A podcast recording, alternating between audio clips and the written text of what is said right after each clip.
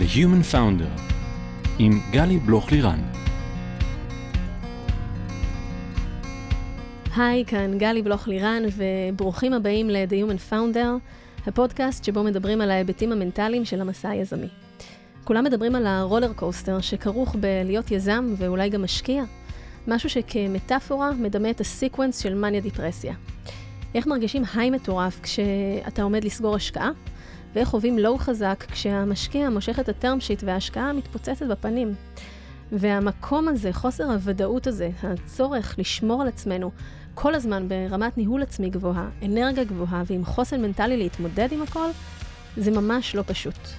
בכל פרק אני אשוחח עם יזמים, משקיעים, יועצים, פסיכולוגים, עורכי דין, במטרה לתת מקום להלייר הנוסף הזה שפחות מדברים אותו בקול רם, ההיבט המנטלי שמלווה את הדרך היזמית, וגם אשתף עצות וכלים כשיסייעו לכם לייצר פוקוס, בהירות וחוסן מנטלי, כדי להיות יזמים מאוזנים כשטוב להם.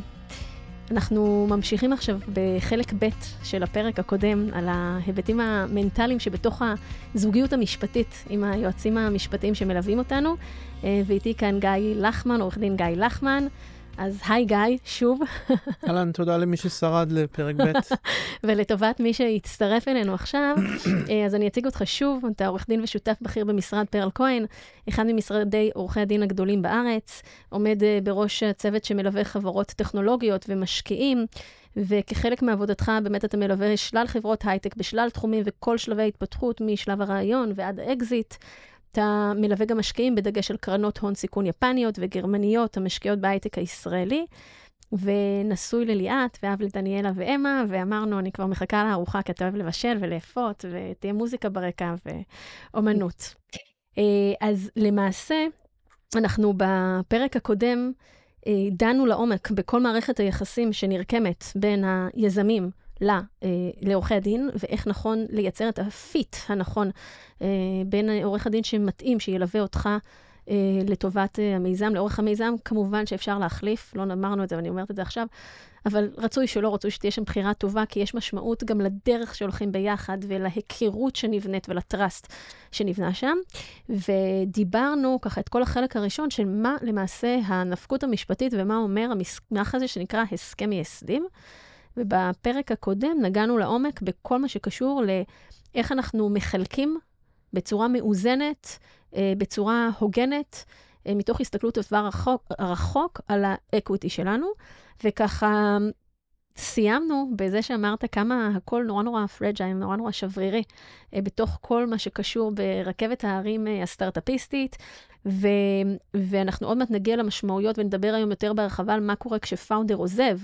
או כשחברה משנה אסטרטגיה באיזשהו אופן שמאלצת את אחד הפאונדרים לעזוב, אבל אנחנו נמשיך עכשיו uh, עוד לדבר על ההיבטים uh, החשובים שצריכים להיכלל uh, בהסכם המייסדים.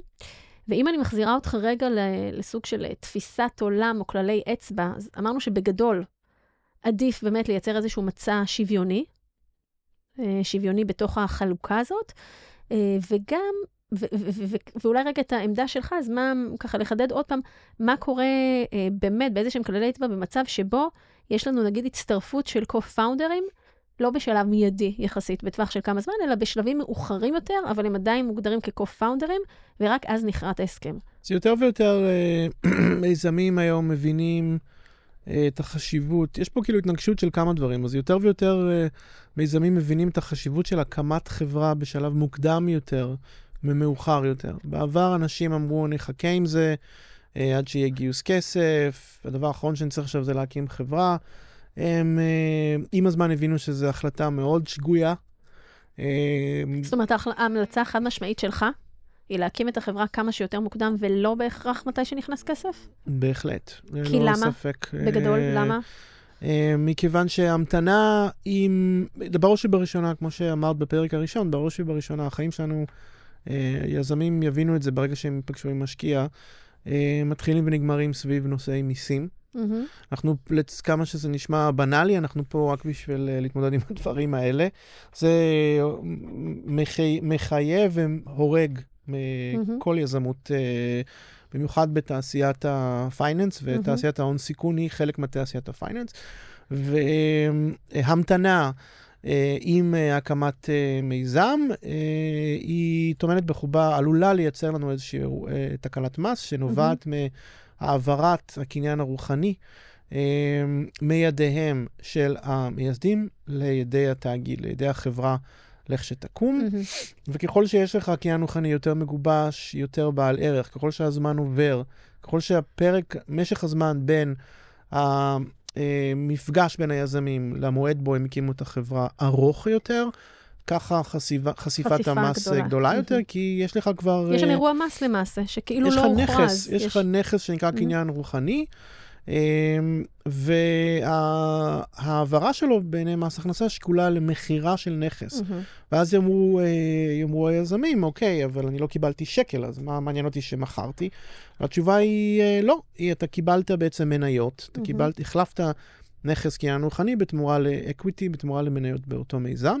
ואם הקצאת המניות נעשתה בסמוך לאירוע שגם קובע שווי לחברה, והייתם סופר מוצלחים ואתם אה, נפגשתם עם... אה, אה, VC שנתן לכם שווי של 10 מיליון דולר ועוד לא הספקתם להקים את החברה, אז גם המניות שתקבלו יהיו שוות אה, 10 מיליון דולר, כי בעצם זה השווי שקבע אה, המשקיע, ואין אין, דבר כזה בטבע שבן לילה הופך להיות שווה 10 מיליון דולר, וברור שמה שקרה פה הייתה העברה של נכס, אותו. קניין רוחני.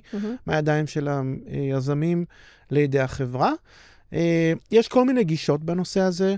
אה, יש אה, משרדי עורכי דין, משרדי רואי חשבון שמחמירים יותר, יש כאלה שלוקחים גישה יותר מקלה.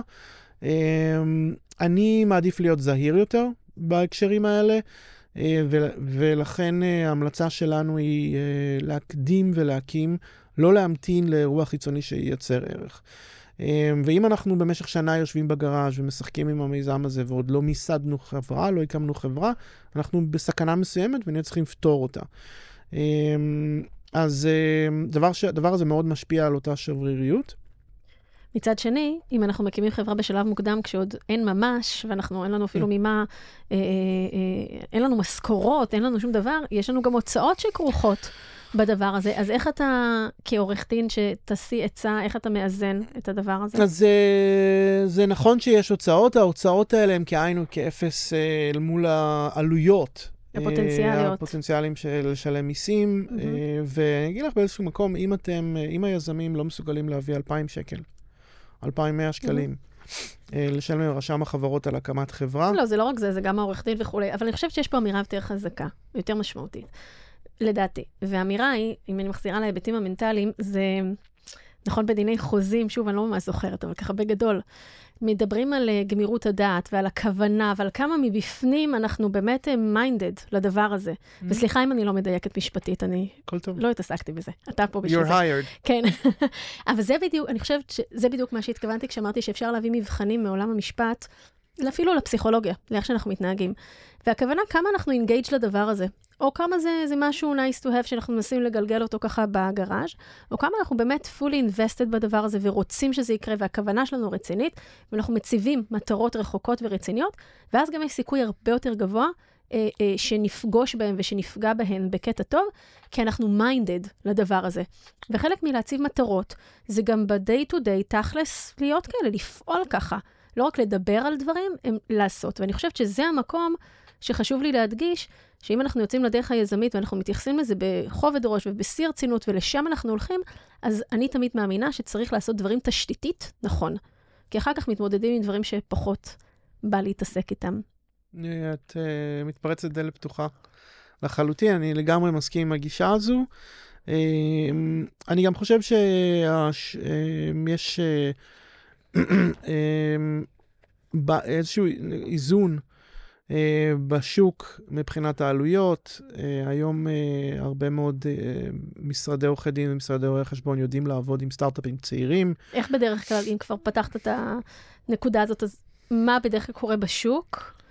אה, ומה, שהוא, שהוא עושה שכל עם ההיגיון הפסיכולוגי גם של היזמים מרמת הסיכון ורמת ההשקעה. איזה עסקה, נקרא לזה, טובה ליזמים?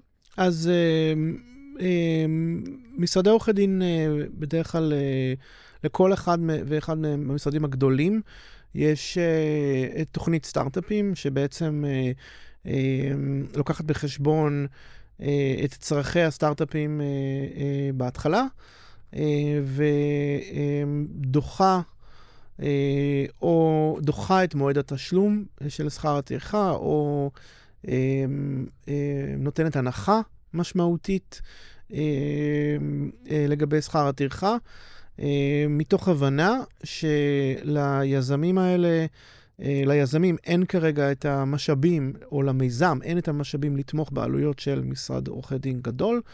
אה, מצד אחד הם רוצים רולס רולס, שזה משרד עורכי דין גדול, מצד שני הם לא רוצים לשלם על רולס רולס.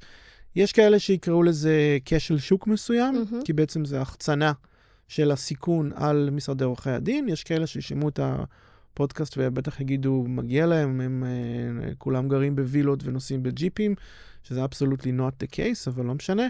Um, אבל uh, זה כן דוחף אותנו, עורכי הדין שמתעסקים עם סטארט-אפים, לבחור uh, בקפידה את הלקוחות. להשית גם עליכם את הסיכון באיזשהו אופן. זה לחלוטין זורק את הסיכונים uh, עליי, אם אני הסכמתי לקחת uh, מיזם uh, בשכר טרחה דחוי, כי בעצם זה אומר שאם המיזם הזה נופל, הלקוח אז שלי גם הוא- ההכנסה נופלת. לחלוטין, אני לא אראה שכר. אבל אני חושבת שפה גם באמת יש את ההיבט המנטלי, והוא בעיניי מאוד מאוד חשוב ליזמים, עם התקשרות שלכם עם כל אדם בשרשרת הערך, בין אם זה אני כקואוץ', בין אם זה יועץ אה, אה, פיננסי, בין אם זה יועץ מיסוי, בין אם זה יועץ, אה, אה, בין אם זה עורך דין.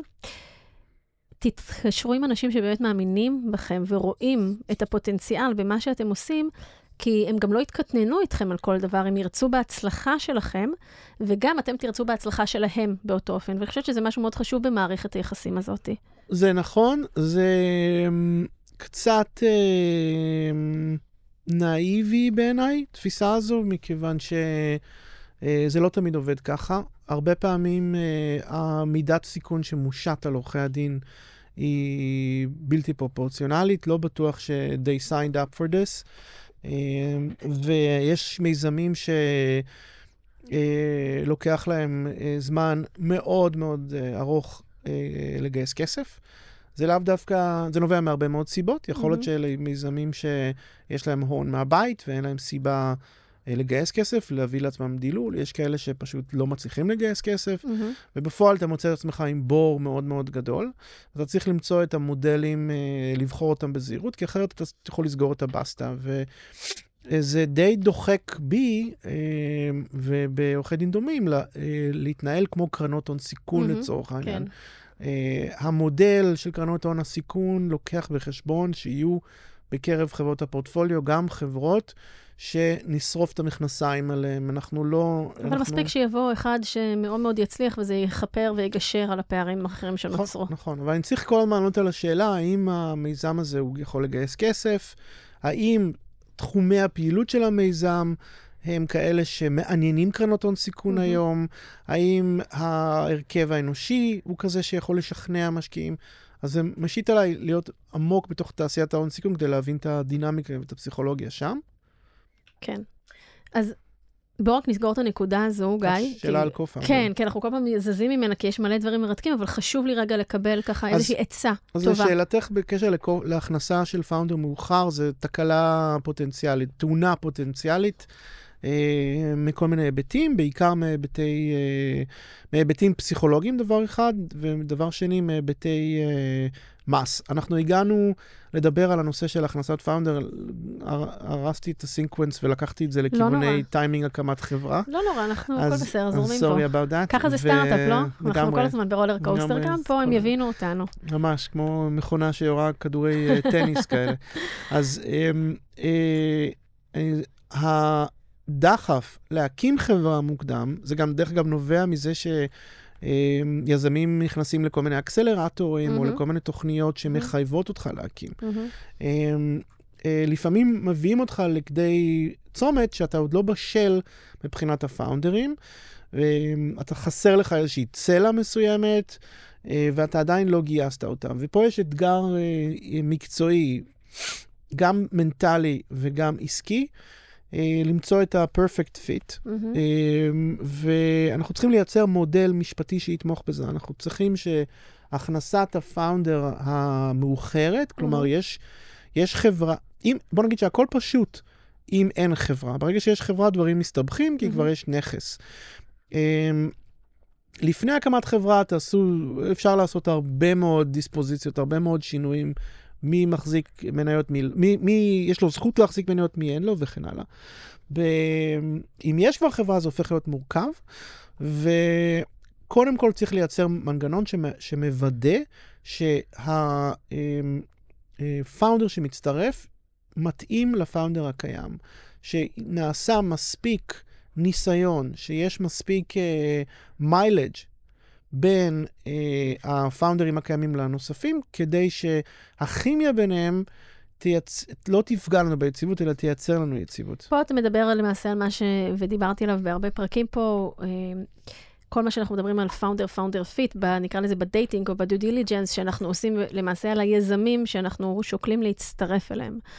נגיד שזה עבר, ונגיד שבחרנו מישהו, נגיד אני יצאתי לדרך, אה, אני עם הרעיון, וכמו אתה אמרת, עדיף להקים חברה על ההתחלה כבר, כי אחר כך יש ענייני קניין רוחני, ושנה קדימה אני מחליטה בעצם לצרף מישהו, את השותף הטכנולוגי, שייכנס איתי לתוך הדבר הזה. מה קורה אז בהמלצה שלך? בעצם מבחינת איך לנהל את זה נכון וחלוקת האופציות. פה יש כשל מסוים, יש פה תקלה מסוים ש... מסוימת שאין לה כל כך פתרון חד משמעי, mm-hmm. מכיוון ששנה לתוך הקמת החברה, הנחת המוצא היא שיש לך שווי. Mm-hmm. יכול להיות שהשווי הזה הוא 10 מיליון דולר, יכול להיות שהוא מיליון דולר, יכול להיות שהוא 100 אלף דולר. Mm-hmm. אבל יש שווי. לא יכול להיות שאת שנה על הכביש mm-hmm. ולא גיבשת איזה שהם רעיונות. לא רשמת איזה שהן שורות קוד וכן הלאה, הדבר הזה, יש לו ערך. Mm-hmm. וכשאני מכניס בן אדם ונותן לו חלק מהערך הזה, mm-hmm. בצורה של מניות, mm-hmm. זה בעצם, כל המתן של נכס הוא בעצם הטבה שחייבת mm-hmm. במס. Mm-hmm. ופה יש התנגשות מאוד גדולה בין המשפט לבין הצרכים של הסטארט-אפים האלה. Mm-hmm. כי הסטארט-אפים באמת חייבים להכניס את אותו בן אדם. הם רוצים אה, לקבל את כל ה... להבטיח קיומם של כל הערכים הטובים שדיברנו mm-hmm. בפרק א', mm-hmm. לגבי אה, הבלנס הנכון, לגבי ה-commitment, ה-stability, לתת למישהו את הסביבה של הקומפנסציה הנכונה, mm-hmm. אבל אה, כשנותנים לבן אדם אה, equity, הוא חייב לשלם מיסים, וזה לא סביר, וזה גם יוצר רתיעה מלאח... להצטרף. להצטרף. ולכן צריכים למצוא מנגנונים מאוד יצירתיים, אה, ויש כאלה. שיאפשרו כניסה של מייסד. זה מתחיל ונגמר, כניסה מאוחרת של מייסד. זה מתחיל ונגמר בכמות ה equity שהוא או היא עתידים לקבל, ולפי הכמות גם הפתרונות שאנחנו נציע. יש מגוון פתרונות לזה, וצריכים להתמודד איתם, אבל זה לא דבר, צריכים להבין ש... יש פה לחץ מסוים, מתחיל שעון חול מסוים, השעון מצד אחד לוחץ עליך להקים חברה מהטעמים שאמרנו, mm-hmm. מצד שני אתה חייב לייצר founding team חזק. מצד שלישי, ככל שהזמן עובר ואתה עושה את מה שאתה עושה כמו שצריך, אתה יוצר ערך, אתה יוצר mm-hmm. שווי, וזה לחץ, זה סט לחצים. אה, ואולי הדרך לפתור את זה, כאילו גם צריכים, ואם כבר הלכת על מישהו, אז אתה מהמר, ואנחנו mm-hmm. צריכים לדעת כעורכי הדין שתומכים במיזם, לבנות את המנגנון שגם יאפשר אה, לה, אה, להגן על החברה, להציל אה, אותה מפני אותה תאונה. עתידית אה, פוטנציאלית. כן. אז זה ברור פה העניין הזה של אלמנט הזמנים, אבל כאיזושהי רגע אמירה, לא מש... זאת אומרת, לא במנגנון המשפטי שאתם כעורכי הדין תייצרו, נגיד שיצטרף co-founder אה, שנה לתוך החברה, אבל הוא באמת מאוד משמעותי, והוא גם בא עם ניסיון, ואני, היה לי רעיון, והתחלתי בקטנוש, אבל ככה לא קידמתי אותו באמת, את הקפיצה האקספוננציאלית שהוא צריך ללכת. ובאמת היזם החדש, אני יודעת שהוא חזק, הוא מנוסה, והוא זה שיעזור לי להצמיח את הדבר הזה. אז בהסתכלות רגע הרעיונית, העקרונית שלך, כשאתה תוסיף אותו, הוא יהיה שותף שווה? שאלה יפה. אה, זו שאלה לא משפטית, זו שאלה פסיכולוגית. נכון. אבל בהסתכלות המשפטית שלך, מהניסיון שלך, איך אתה, איך אתה היית ניגש לזה? אני לא חושב שיש פתרון אחד שיענה פה לכל הצרכים. צריכים להבין, לנתח את המקרה הזה, להבין את הנפשות הפועלות, להבין את התרומה שכבר נעשתה, להבין את התרומה שמצטרפת, להבין את ה-resources שהושקעו כבר עד כה. אה, זה לא... אה, אין איזשהו נוסחת קסם לטפל במצבים כאלה, אין textbook בדברים האלה. זה באמת דיני נפשות, זה... אז לא נתת לי תשובה שאני יכולה לעזור כן. ליזמים, אבל אני חושבת שהדבר היפה שיצא מפה, ניסיתי להוציא ממך איזה משהו, שזה באמת, אה, אני חושבת שזה רק מדגיש עוד יותר כמה חשוב אה, שיהיה לנו שותף לדרך שמבין גם את הדין, כמובן, אבל גם את הנימים הקטנים של מה חשוב לנו ומה קורה, כדי לדעת לדייק אותנו, כי זה חוזר לאותו מקום של בוא לא נהיה. בוא לא נהיה חכמים, בוא נהיה צודקים, ולאן אנחנו מסתכלים, ומתוך המקום הזה, אה, באמת לעשות את הבחירות הנכונות. טוב, בואו נתקדם קדימה. אז הבנו שצריך לדבר על ה equity ואין תשובה אחת נכונה לאיך לעשות את זה. בואו נמשיך עוד רגע נקודה שקשורה ל equity, שהיא כל מה שקשור רגע ל vesting ו cliff. עכשיו שוב, פחות רגע מההיבטים המשפטיים, איך נכון לפרמל את זה באופן שמצד אחד אנחנו מגינים על החברה, ומצד שני אנחנו דואגים, כמו שאמרנו, לקומפנסציה של הפאונדרים, ולא מייצרים שם אה, איזה שהם מצעים לדיאלוג לא בריא, לתחושה שאנחנו אה, לא מתוגמלים כהלכה, שיוצרת מרמור אחר כך, שיוצרת אה, תחושה של חוסר שוויון וכולי. כי יש המון דעות לכאן ולכאן. אז, אז איפשהו בשנות ה-70 של המאה ה-20, אה, קודם כל, רגע, אולי, סליחה שאני קוטעת אותך, תסביר לנו במשפט מה זה אומר vesting ו cliff, ותיישר רגע קו שם. אז איפשהו בשנות ה-70 של המאה ה-20 או משהו כזה, אה, המציאו מנגנון שנקרא vesting. אה, המנגנון הזה בשפה העברית אה, נקרא הבשלה, והוא בעצם, אה, או, יש לו שתי צורות, הצורה המוכרת יותר היא בצורה של אופציות, שכל עובד בתעשיית ההייטק מכיר, אה, אבל יש לו גם יישום אה, כשזה בא להסדרת אה, אה, מנגנונים על פאונדרים בסטארט-אפים. יש כאלה שקוראים לזה שם reverse vesting, גם באמריקאים עדיין קוראים לזה vesting גם בהקשר של פאונדרים. ובעצם המנגנון הזה בא ואומר שאנחנו נייצר איזושהי משוואה שבמרבית המקרים היא מושפעת מזמן. ככל שתיתן יותר זמן, תשקיע יותר זמן בעבודה שלך במיזם, כך אתה תוכל לקבל חלק גדול יותר מאותו הון מניות של החברה. ככל שאתה תעבוד יותר זמן בסטארט-אפ, ככה תוכל לקבל יותר אופציות. עבדת אה, תקופה מסוימת, הבשילו לך, אה, הבשילה לך כמות מסוימת של אופציות בגין אותה תקופה. לייצר איזושהי קורלציה בין המאמץ מאמץ והתרומה והזמן. לבין התגמול בצור... ההוני של אה, המניות. מהמם, זה אה, מנגנון vesting קלאסי. מהמם. מנגנון ה vesting הקלאסי, יש לי, ביום שקיבלתי את האופציות, כלום, אני אעבוד ארבע שנים בחברה, בתום אותם ארבע שנים יהיה לי את מלוא האופציות שהוענקו לי. אצל זה מייסדים... הסטנדרט. זה הסטנדרט לגבי מהמם. עובדים ויועצים, ובכלל פחות בפאונדרים. מהמם. אצל פאונדרים זה הפוך. זה בשונה מעובדים שיש להם אפס בהתחלה ואחרי תקופת זמן 100, כאן יש, יש לנו 100 בהתחלה, וככל שהזמן עובר, היכולת שלנו לקחת חזרה מהם אה, אה, מניות הולכת וקטנה. שזה הרוורס. זה אותו reverse vesting, זה בעצם בא, הרי הקמנו חברה, נתנו 100 מניות, נתנו את כל המניות לפאונדרים, זה 100 אחוזים. אה, אנחנו רוצים לייצר איזשהו מנגנון שיוודא שהמייסדים לא קמים והולכים, ושלא נוצר לנו איזשהו מה שנקרא dead equity בחברה, שלא נוצ... אנחנו רוצים להבטיח את אותה, אותה commitment, המשכיות. את אותה, אה, אותה יציבות, את מהמם. אותה אה, מחויבות הדדית.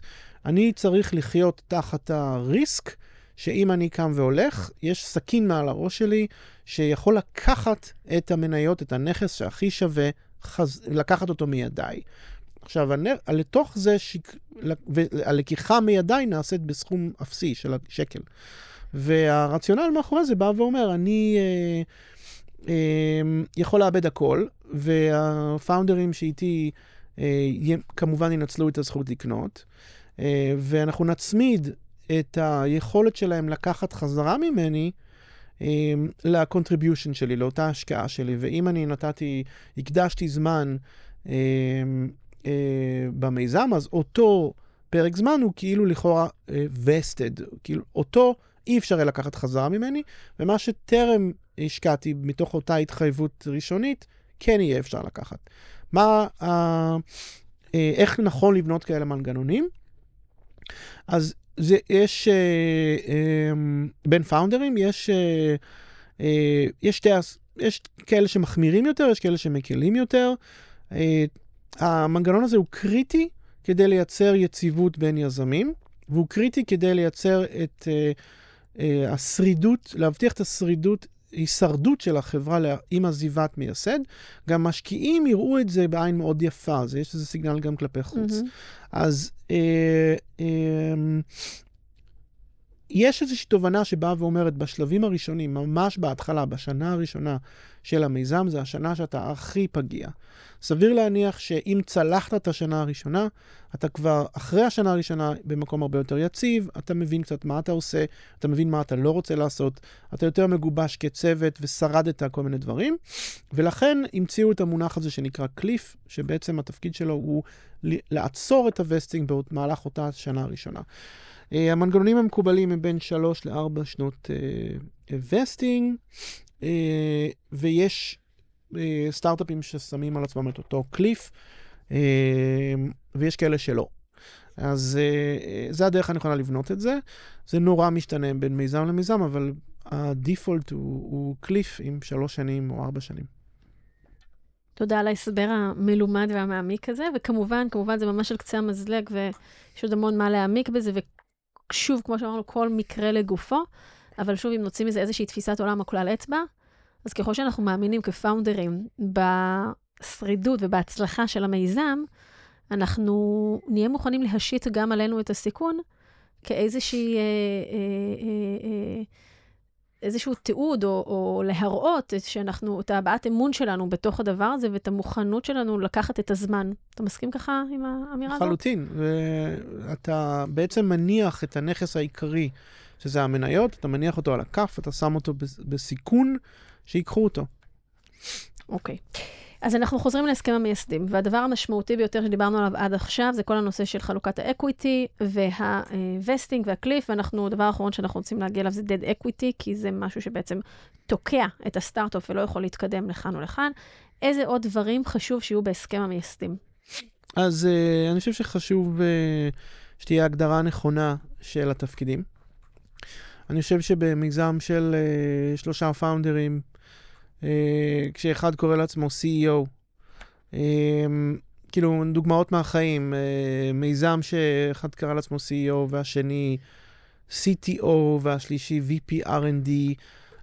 אז מה הממשקים שם בין ה-VP R&D ל-CTO? אני לא יודע מה ההבדל, קשה לדעת מה ההבדל. וכנראה בשלבים הראשוניים אין הבדלים, mm-hmm. אבל ככל שהמערכת תגדל והאקורדיון הזה ייפתח, ככה גם. ההבדלים האלה יתחדדו, ואם, ואנחנו, זה גם אה, מקור לתאונה. אז ש... מה היית מציע לעשות איזשהו סעיף סל כזה, או להגדיר בצורה רחבה יותר, או דווקא בצורה... כן לנסות uh, לדייק? אני כן הייתי יורד לרמה יותר פרטנית של התפקידים, ממש מייצר רשימה, לפעמים זה נראה ליזמים מלאכותי, אבל אני, כמו שאומרים בצבא, ההוראות האלה נכתבו בדם, כאילו, mm-hmm. וזה חוסך כל כך הרבה עוגמת נפש אחר כך. אה, אז לרדת לפירוט גדול יותר. יש הרבה... אם, אם נגיד שלושת רבעי שנה או שנה פנימה החלטנו לעשות uh, חילופי גברה ולהחליף תפקידים. שזה קורה הרבה פעמים, קורה. לפעמים יש חילופים בין CEO ל-CEO וכולי, לפתוח את ההסכם, לציין את זה? בוודאי, בוודאי. הנושא הזה קריטי, uh, זה גם קריטי כלפי פנים, mm-hmm. וזה גם קריטי כלפי חוץ, איך יסתכלו עליכם וכן הלאה. אומרת, הרבה לי... פעמים גם קשה אבל לאפיין את ה-CEO. יש mm-hmm. הרבה uh, יזמים שחושבים שהם יקראו לעצמם co-founders, mm-hmm. והכול יעבוד. Mm-hmm. אין שום סיכוי שהם יגיעו רחוק, mm-hmm. אין. א', יזמ, הם, משקיעים ידרשו מהם בהירות בנושא הזה, uh, הם דורסים אחד את השני, הם דורכים אחד על השני, ו... בוא, בוא, בוא נגיד פה משהו חשוב שהוא מאוד מאוד פסיכולוגי. co-founder זה לא הגדרה אה, אה, זה לא הגדרה, גם לא משפטית וגם לא הגדרה אה, של תחומי האחריות ועל מה אנחנו, זה סוג של איזשהו סעיף הוויה, אני קוראת לו, זה ההוויה שלנו, זה האופן שבו אנחנו מרגישים את האופן שבו אנחנו אונינג את החברה ומובילים אותה ומשיתים אותה, אבל זה לא האחריות הספציפית לתחומי האחריות שלנו. והרבה פעמים יש פה, כמו שדיברנו קודם קצת בהקשר אחר, אה, אנחנו חוששים לקחת על עצמנו רגע את האחריות, או חוששים רגע להגיד מה בדיוק התפקיד שלנו, כי אז זה מחויב. אבל כן, אנחנו ילדים גדולים, ואם אנחנו נכנסים להקים סטארט-אפ והולכים לגייס עכשיו 2, 5 או 20 מיליון דולר, אנחנו צריכים גם לדעת לקרוא לילדים בשמם, בדיוק. ולקחת עלינו את האחריות הזאת, את המחויבות. ולפעמים יש פאונדרים קצת מגיבים במבוכה כשהם נדרשים לעשות את זה, כי הם מרגישים, תראה, אנחנו נורא נורא בהתחלה, אה, מה זה עכשיו כל ההפלצות אה, נכון. CEO, CTO וכן הלאה, אבל זה סופר קריטי. מהמם. זה ממש לבנות תשתית מהמם, של מערכת יחסים שתייצר יציבות ל-long term. מהמם. אה, ופה גם בא לידי אה, ביטוי התפקיד של העורך הדין שאמור אה, ל- גם. לדאוג, להקפיד על הדברים האלה. מהמם. אוקיי, אז אמרנו equity ו vesting, ואמרנו הגדרת תפקידים. מה עוד חשוב שיהיה בהסכם המייסדים? חשוב שתוגדרנה החלטות... אה, קבלת החלטות. קבלת החלטות, אה, אה, מנגנון אה, שייצר איזושהי יציבות בקבלת ההחלטות, ואנשים לא יתעוררו בוקר אחד ויגלו אה, שבנושאים מסוימים אה, התקבלה החלטה בניגוד להסכמתם. מה הדיפולט אה, שככה אתה כעורך דין, שוב, אני יכולה לדבר שעות על נושא של קבלת החלטות, ואני מדברת על זה בכל מיני תצורות, אה, כי זה באמת נושא מאוד מאוד מאוד רחב, אבל, ואפשר לדבר הרבה על המניעים, ואיך אנחנו מקבלים החלטות, ומה קורה שם, ויש לזה המון מה להגיד, אם זה מהמוח, מהלב, מהניסיון, מה... כל אחד בסקופ שלו או לא, אבל כאיזשהו כלל אצבע מההסתכלות המשפטית שלך, מה עובד שם? מה עובד איפה? ב... ב- במנגנון קבלת ההחלטות. אה, אני חושב שכל קבוצת אנשים שנכניס אותה לחדר, יצליחו לייצר לפחות חמישה נושאים שיהיה להם קונצנזוס, מהמם. שלא, שהם לא רוצים להקים עסק עם אנשים אחרים, בלי שיש הבנה עמוקה שההחלטות בנושאים האלה תתקבלנה רק בהסכמה של כולנו. זאת אומרת, למצוא את מוקדי הקונצנזוס שמחייבים את ההסכמה של כולנו. הם קופצים זה. החוצה, לא צריכים לחפש uh, עמוק. Uh, אני לא ארצה להתחיל עסק, לא משנה מה התחום. Uh, לא, בכלל לא קשור לטכנולוגיה, לא קשור להייטק, אני לא ארצה להתחיל עסק עם, עם שותף, שלשותף יש לי יכולת חד צדדית לסגור את העסק. מהמם. אני לא ארצה להכניס, לי- לייצר מערכת יחסים עם שותף שיש לו זכות לכפות דילול או השקעה חיצונית בלי לדבר איתי. מהמם. יש לו זכות למכור את העסק אה, בלי לקבל את ההסכמה שלי. אני חושב שאלה דברים תשתיתיים מאוד מאוד בסיסיים, שכל היזמים, איפה שהם לא יהיו, יסכימו עליהם. זאת אומרת, לחשוב מה אירועי ה... לא בהכרח אירועי קיצון, אבל האירועים המכוננים, שבהם חייבים שכולם יהיו מיושרים שזה בדיוק. הכיוון. למרות שהפרקטיקה מראה שיש גם הרבה מאוד מקרים שחברה גדלה, וכבר חמש שנים ביחד ושש, ובאה הצעת השקעה, למשל, או הצעת מכירה, ולא כל הפאונדרים רואים eye to eye את הדבר הזה. אז פה מתחבר על מה שאמרנו קודם, שהסכם המייסדים לא אמור להיות אה, אחרי חמש שנים. אם ההסכם המייסדים שרד בחברה חמש שנים אחרי, זו באמת חברה חריגה, היא כנראה לא גייסה כסף.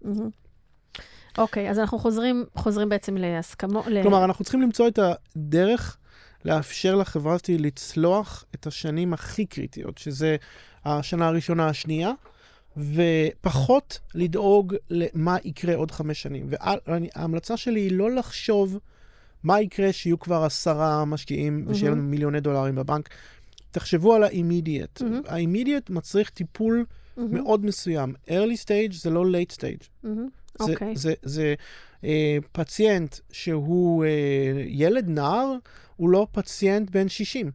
זה דורש טיפול בגישה אחרת לחלוטין. אוקיי.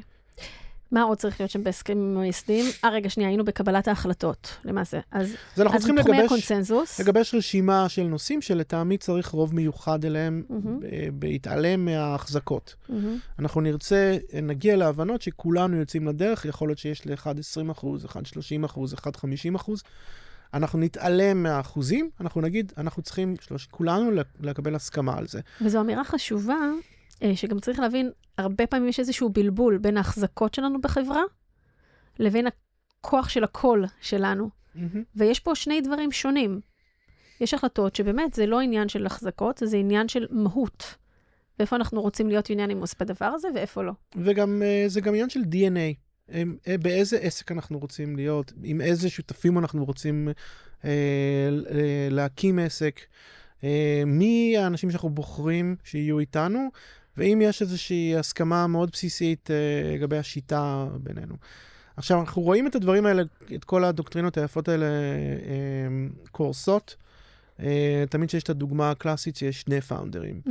אין כל כך פתרון היום, לצערי, אני לא מצאתי פתרון שעובד עד הסוף, בסיטואציה של שני פאונדרים שמחזיקים 50-50, מי כמוך יודעת, ואין כל כך דרכים לפתור את זה היום. אנחנו יכולים לפתור את אתה אותו... מדבר על, על, אתה מדבר בעצם, תפרט את הטיפה, אם מישהו עוזב, ואז מה קורה שם מבחינת האקוויטי וקבלת ההחלטות וכולי. לא אחת אני נתקע, לא רק מי שעוזב, אלא גם מה קורה ש... חוסר הסכמה. שפאונדר אחד אומר, "אה, זה צריך להיות בצבע כחול, ופאונדרית אחרת אומרת, לא, זה צריך להיות בצבע ירוק. מהמם. מה עושים? איך חברה מקבלת החלטות? אחד אומר X, השני אומר Y, תקועים בבוץ. מהמם. יש לי תמיד, כל שנה, כמה מיזמים שלא מצליחים אה, אה, להגיע להסכמות, ואז בדרך כלל, בגלל לחצים חיצוניים, משהו מייצר איזשהו שינוי תנועה. ביניהם, והדבר הזה מביא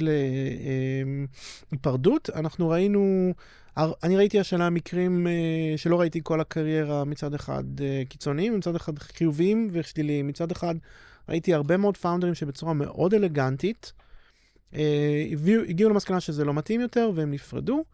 אה, בגלל סיטואציות של דדלוק. מהמם. ראיתי מקרים שהפאונדרים אמרו תמות נפשי עם פלישתים. אני מהמם. מלווה מנכ"ל שהוא פאונדר במיזם, שהם בסיטואציה של כסח מהמם. במשך אה, שלוש שנים כבר רצוף. מהמם. עכשיו, מה מחזיק אותם למרות העובדה שהם לא מסוגלים לקבל אף החלטה? מדובר על סיטואציה ש, שיש שני דירקטורים, כל מייסד הוא דירקטור, אה, והמניות מחוזקות 50-50 על ידי אותם אנשים, דדלוק מושלם. ומה שבעצם מחזיק אותם ביחד זה פשוט הכסף, נכנס כסף לחברה. והאגו. אף אחד לא מוכן לשחרר, אה, אבל המצבים האלה קורים, הם די כישלון של השיטה. אין לנו כל כך דרכים להתמודד איתם. אני לא מאמין בכל מיני מנגנוני במבי והמצאות אחרות שאנשים מייבאים אה, מעולמות אחרים.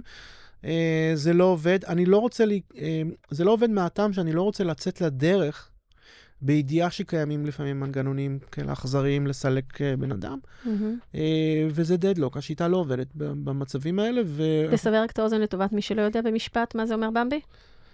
ובמבי זה איזשהו מנגנון שלא רואים אותו כל כך בהייטק. אה, האמת לא רואים אותו, מאוד נדיר לראות אותו כבר, הוא מאוד, אה, הוא, כי הוא מאוד בעייתי, אה, שבעצם אה, מוגשת הצעה אה, אה, של צד אחד לרכישת הצד השני. by me, by you. מהמם. כלומר, אנחנו, שנינו, זה, זה סוג של, אה, זה ממש אה, אה, אה, יישום קלאסי של תורת המשחקים. מהמם, אנחנו. אה, אה, אנחנו, אני, כל אחד שם במעטפה פתק שאומר אה, בכמה הוא מוכן לקנות את המניות של הצד השני, ופותחים את המעטפה, ומי ששם את הסכום הכי גדול הוא זה שקונה. מהמם. ואתה אמור בעצם לרשום שם סכום שיהיה גבוה מספיק. כדי לזכות בהצעה. כן, זה, לא רואים את זה בהייטק, וטוב שכך. אוקיי. אז אנחנו מדברים על הדדלוק, ולצערנו זה משהו שאנחנו רואים אותו קורה הרבה, וזה מחזיר אותנו להמון נושאים אה, פסיכולוגיים שגם נגענו בהם קודם, שאם אנחנו מצליחים להשכיל ולהסתכל על טובת החברה, ועל משהו שהוא קצת גדול יותר רגע מהמקום האישי שלנו, ואנחנו מבינים שאנחנו רוצים לרוץ לאנשהו ביחד, אז יהיה לנו קל כל פעם להיות טיפה יותר גדולים. למרות שזה מאוד קשה, זה מאוד קשה, ולא תמיד יש לנו את החוסן ואת האמוציות ואת היכולת להחזיק, כי זה פוגש אותנו עם עוד המון אה, מקומות אישיים, שעם כל הרצון הטוב, לא תמיד אנחנו מצליחים להתעלות מעל עצמנו ו- ולהיות שם. מה עוד מאוד חשוב שיהיה בהסכם מייסדים? חשוב אה, מאוד שתהיה הסדרה נכונה של אה, קניין רוחני, מהמם. שהקניין הרוחני יועבר אה, אה, בצורה מאוד אה, מדויקת ומלאה מידי המייסדים לידי החברה. בלי זה כל האופרציה תקרוס. אנחנו פה בשביל הקניין הרוחני שלנו, מהמם. אנחנו עוסקים בטכנולוגיה. מהמם. מה עוד? אנחנו חייבים לוודא שאין צדדים שלישיים שיש להם איזשהם טענות לגבי המעורבות של המייסדים במיזם. אין לנו פה מעבידים אחרים, אקדמיה, אה, בתי חולים, מישהו שיכול, איזשהו סטייק הולדר שיכול להתעורר ולהגיד שמשהו שייך לו. בדיוק. מה או, עוד? אנחנו אה, אה, נרצה, אמ, זה אלה בערך הדברים הקריטיים. אנחנו נרצה לוודא שכל ההתנהלות הפיננסית מדויקת, אה, מי מקבל החלטות לגבי כסף.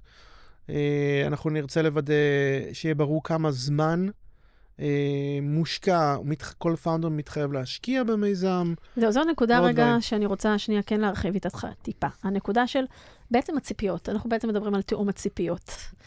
ואתה מאמין שממש צריך לפרמל את הדבר הזה ולנסות אה, ממש לכתוב אותו שחור על גבי לבן, או פונט, אה, לא יודעת איזה, על גבי הדוק, אה, שאני זמין, או אני זמינה 24/7, או אני עובד גם בסופי שבוע, או לא, יש לי גם חיים, ואני מת על המיזם ואני לגמרי בתוכו, אבל אני מייצר גם איזושהי מערכת איזונים עם החיים הפרטיים שלי. אתה חושב שברור שהדברים האלה צריכים להיות מדוברים, וצריך להיות תיאום ציפיות? אתה חושב שהם צריכים גם להיכנס אה, למסמך? אז אנחנו צריכים לזכור שההסכם זה דבר חי ונושם. הוא לא, המטרה שלנו אה, היא לא לייצר הסכם למגירה. מהמם. אה, הסכם דינמי. ההסכם הזה כל הזמן יהיה אה, גמיש לפי צרכי המיזם. אנחנו צריכים, אני חושב שבריא, שאנחנו נגדיר את מערכת היחסים בהתחלה. אנחנו אה, הולכים לתת את, מלוא, את משרה מלאה אה, להצלחת המיזם הזה. אנחנו, ברגע שפתאום יזם אחד יחליט שהוא גם לוקח דיי ג'וב, מהמם. ופתאום יורד ל-10 אחוזי אה, מעורבות במיזם, זה יכול לייצר בעיה רצינית אצל היזם מהמם. השני. כל זה, אם הדבר הזה נעשה שלא בהסכמה. אנחנו נקבע מסגרת, המסגרת לא חייבת להיות 100% משרה, מהמם. היא יכולה גם להיות 50%. אבל מסגרת צריכה להיות בהסכמה. לחלוטין, ואז אנחנו גם באותה הסכמה נחליט לפרוץ את המסגרת. אם אנחנו, אם אני החלטתי שה-co-founder שלי, אני מפרגן לו, ואני, מ- מ- מבחינתי זה בסדר שהוא ייסע עכשיו לחצי שנה להיזרק בקופנגן, מהמם. אז, או לא, בעצם לא, בקופיפי, איפה שנזרקים, אז, אה, גם שם אפשר, זה בסדר. אז אנחנו נבקש, אנ- אנחנו נרצה שזה ייעשה בתיאום. אנחנו לא נרצה שהוא יעלה על המטוס חד צדדית מהמם. ויגיד, טוב, אני יותר לא עונה למיילים. Uh, הכל בהסכמה. המסגרת מאפשרת, אם יש את הבסיס שאומר מה כן מקובל, אחר כך לחרוג ממנו אפשרי. אם אין את מה שמקובל, הכל פרוץ. אני חושבת שזה מתחבר אפילו ורבלית, מילולית, לדבר הזה של ה-founding team. זה, זה לא סתם כותרת. זו המשמעות, זה ה-foundation, זה הבסיס של הדבר הזה, וזו נקודת ההסתכלות שממנה צריך כל הזמן לצעוד הלאה, איך אנחנו מייצרים את המסגרת הזאת שבתוכה אנחנו פועלים, אבל שהיא נכונה עבורנו, אה, ושהיא חיה והיא נושמת, ובהחלט אפשר לעשות בה המון שינויים, כי מיזם זה יצור דינמי שחי ומשתנה. אוקיי, אז once דיברנו על כל הדברים האלה, והתייעצנו, נגיד איתי או עם מישהו אחר, ועזרנו ככה לפרמל, הולכים לעורך דין, יושבים איתו ואומרים לו, גיא, בוא תכתוב את כל הדברים האלה בשפה משפטית מדויקת, או שלצורך העניין אנחנו יכולים לעשות את זה בעצמנו ולחתום על זה למטה? אז פה יש uh, סגנונות uh, שונים של עורכי דין. יש כאלה שאומרים, תבואו אליי מגובשים. יש כאלה שרואים את התפקיד שלהם יותר בלעזור ל- לייצר את אותה uh, לכידות uh, רעיונית. Uh, אני לא מצפה שהם יבואו אליי uh, אפויים. Uh, אני בדרך כלל חולק איתם איזשהו צ'קליסט של נושאים שאני אוהב לכלול בהסכמי המייסדים שאני כותב. Uh, הצ'קליסט שלי יכול להיות, ייראה שונה מצ'קליסט של משרד אחר, אה, ואני נותן להם אה, לחשוב. אני לא זורק עליהם טיוטה אה, לפני שאני לגמרי גיבשתי, אה, או שהם גיבשו עד הסוף את ההסכמות המסחריות ביניהם. הטיוטה, אנחנו נכין אותה, אנחנו נלך לכתוב מסמך אה, משפטי, רק שהכל כבר אה, switched בדיוק כמו שצריך, הכל מוברג כמו שצריך במקום. אה, דרך אגב, בשלב הזה הרבה מיזמים מתפוצצים. לא שורדים. ובאיזשהו מקום, טוב שזה כבר צף מעל המים בשלב טוב. הזה, לפני שגייסנו כסף, ולפני שהכנסנו עוד אנשים שהתפטרו מהעבודות שלהם, וזה מעיד המון על טיב מערכת היחסים בינינו, והיכולת שלנו להכיל זה את זו, זו את זה, זה את אלו, כבר בשלב כזה ראשוני של. הדרך. לחלוטין. יפה. אוקיי, אני רוצה שנתייחס לעוד נקודה שקשורה להסכם מייסדים. מה קורה כש... אה, אתה כבר מסתכל על השעון, אנחנו מדברים מלא, לא נורא. יש לא, לנו מלא. מלא נושאים מרתקים לדבר עליהם. מה קורה כשאני מקימה את המיזם והשותף, או השותפים שלי, זה בן בת הזוג, או אח, או בעצם איזשהו קרוב משפחה מדרגה יחסית ראשונה, קרובה מאוד, ואיזה מורכבויות נוספות אה, זה מכניס, כי זה ממש לא חריג. בטח בנוף שלנו, הישראלי, יש המון המון אה, זוגות ואחים ובני זוג שמקימים מיזמים ביחד, ואיך לעשות את זה נכון כדי למזער אה, תקלות פוטנציאליות, כמו שקראת בדיוק. לזה קודם? אז בדיוק לפני שבוע אה, היה לנו, יש לנו מיזם שזה המצב שם, ואנחנו בצוות אה, ניסינו להגיד, רגע, מי עבד על אה, אה, סטארט-אפ של אה, בין בני זוג או מהמם. קרובי משפחה, ופתאום התחלנו למנות אותם, וראינו שיש די הרבה אפילו שאנחנו מהמם. עושים. אה, אני חושב שנכתבו ספרים. על אה, להקים עסק עם בן או בת משפחה. למרות שיש הבדל משמעותי בעיניי ומהותי בין להקים small medium business אה, עם בן בת משפחה, חנות, אה, דוכן, אה, לא יודעת אפילו איזשהו עסק שירותים, לבין להקים סטארט-אפ. כן. אז uh, אני חושב שהשוני, יש הרבה, את צודקת במיליון אחוז, השוני הוא, כאילו, יש יתרונות גדולים בזה שאנחנו יחידה אחת מאוד uh, אחידה שיוצאת uh, לכבוש את העולם. uh, מצד אחד. מצד שני, אנחנו בעצם uh, לא uh, פיזרנו את הסיכון. אנחנו uh, household אחד שלוקח על עצמו 100% מהריסק. Uh, אנחנו כן יכולים לייצר הרמוניה גבוהה יותר. Uh, יש יתרונות וחסרונות. אני חושב שבמיזמים כאלה צריך לשים דגש על הנראות החיצונית דווקא. אה, על ש- האופטיקס. לא רק האופטיקס, ה- ה- ההסכמי מייסדים, התפקיד שלהם, אנשים צריכים לזכור את זה, הוא לא רק להסדיר את מערכת היחסים בין המייסדים, הוא גם, יש לו תפקיד כלפי חוץ. אם אנחנו קרן הון סיכון ויש מולנו פה סטארט-אפ של בן ובת זוג, אני חושב שבפסיכולוגיה של אותו משקיע, הוא ירצה להבין שדווקא שם, אה, אה, המנגנון, לא, לא חיפפו את המנגנונים המשפטיים באמירה שמדובר יהיה בסדר, בבן בן או בת מסתדר. זוג. כן, כי אז, כי אז לא ברור מה, מי זה הפאונדר. אני עכשיו מלווה לא מעט, אבל לאחרונה מיזם אה, שיש בו שלושה פאונדרים, שניים מהם נשואים, מהמם, והשלישי הוא לא נשוי אליהם, מהמם. ובעצם זו סיטואציה מורכבת. נכון.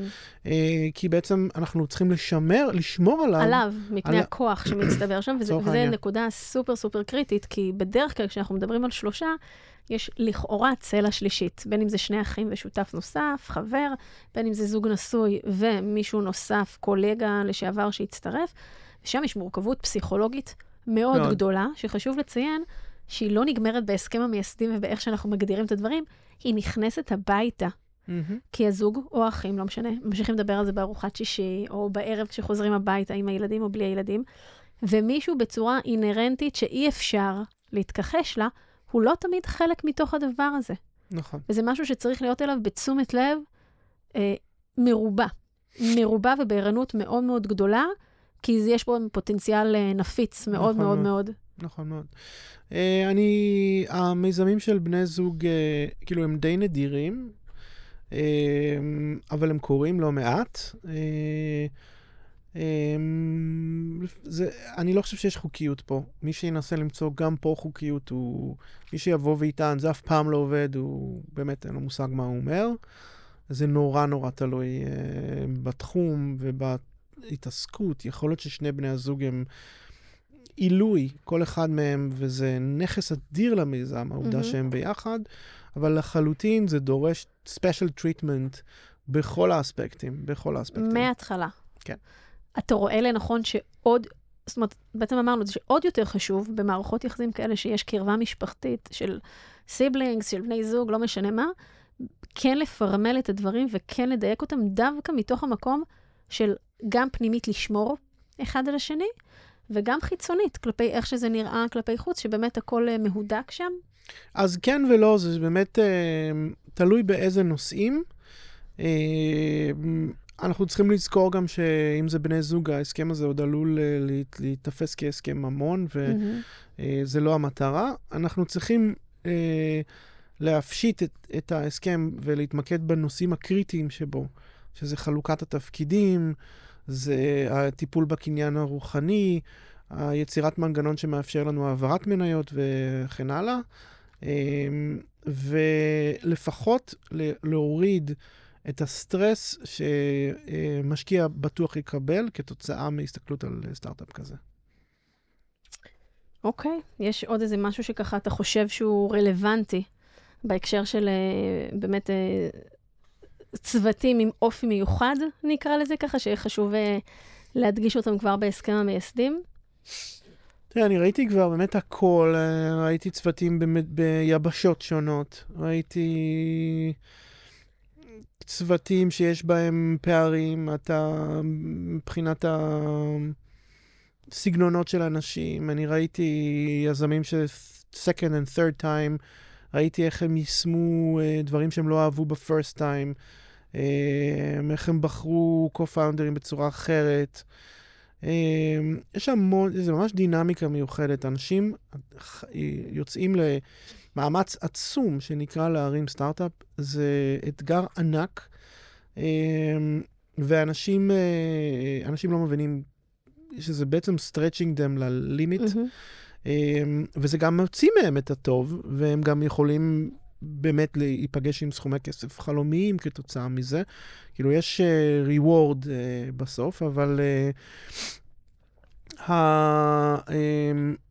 האספקטים שלפחות באחריות שלי, שהם כל כך משמעותיים, והם כל כך יכולים לה, להבדיל בין הצלחה לכישלון, uh, אז עכשיו, אי אפשר גם לחזות הכל, אה, אי אפשר להתמודד עם הכל, אי אפשר לכסות הכל. אנחנו בתרבות אה, הסיכונים גם, זה, זה, כן. אנחנו בעסקי הסיכון. צריך שיהיה לך את המסגרת הנכונה, וצריך שאתה גם תקבל ייעוץ מאנשים שמבינים מה הם אומרים, ושהם גם אה, אה, מעורבים, אה, וש... שאתה מקבל, אתה מדבר עם גורמים אה, מספיק בכירים בארגונים שאתה עובד איתם, ונהנה מהניסיון שהם צברו. גיא, אנחנו מפרמלים פה המון המון נושאים אה, סופר סופר קריטיים ככה בתוך כל המסע היזמי וההיבטים המשפטיים שלו. ואנחנו נשים פסיק גם על הפרק הזה, שבו למעשה סיימנו להסתכל על כל הנושא של ה... מה חשוב שייכלל בתוך uh, כל הסכם המייסדים שלנו ואיך להתייחס. Uh, ומשם, בפרק הבא, אנחנו נעשה קפיצה למה קורה למעשה כשמחליטים לסגור את השלטר ואיזה היבטים אנחנו צריכים להתייחס אליהם אה, בתוך הדבר הזה. אז אנחנו שמים פסיק אה, כרגע ליזמים כדי שלא יהיה לכם עמוס מדי אה, להכיל את כל האינפורמציה הזו. ושוב תודה לגוגל קמפוס שמאפשרים לי להקליט כאן את כל התוכן הזה. אתם מוזמנים לבקר באתר שלי בגלי-בלוך-לירן.קום ולהשאיר שם את הפרטים שלכם כדי להתעדכן וללמוד עוד על ההיבטים המנטליים של היזמים וגם לעקוב אחרי הפודקאסט שלי, The Human Founder, ואפליקציות הפודקאסטים שלכם. תודה לבינתיים, שמים פסיק, וניפגש בפרק הבא. להתראות.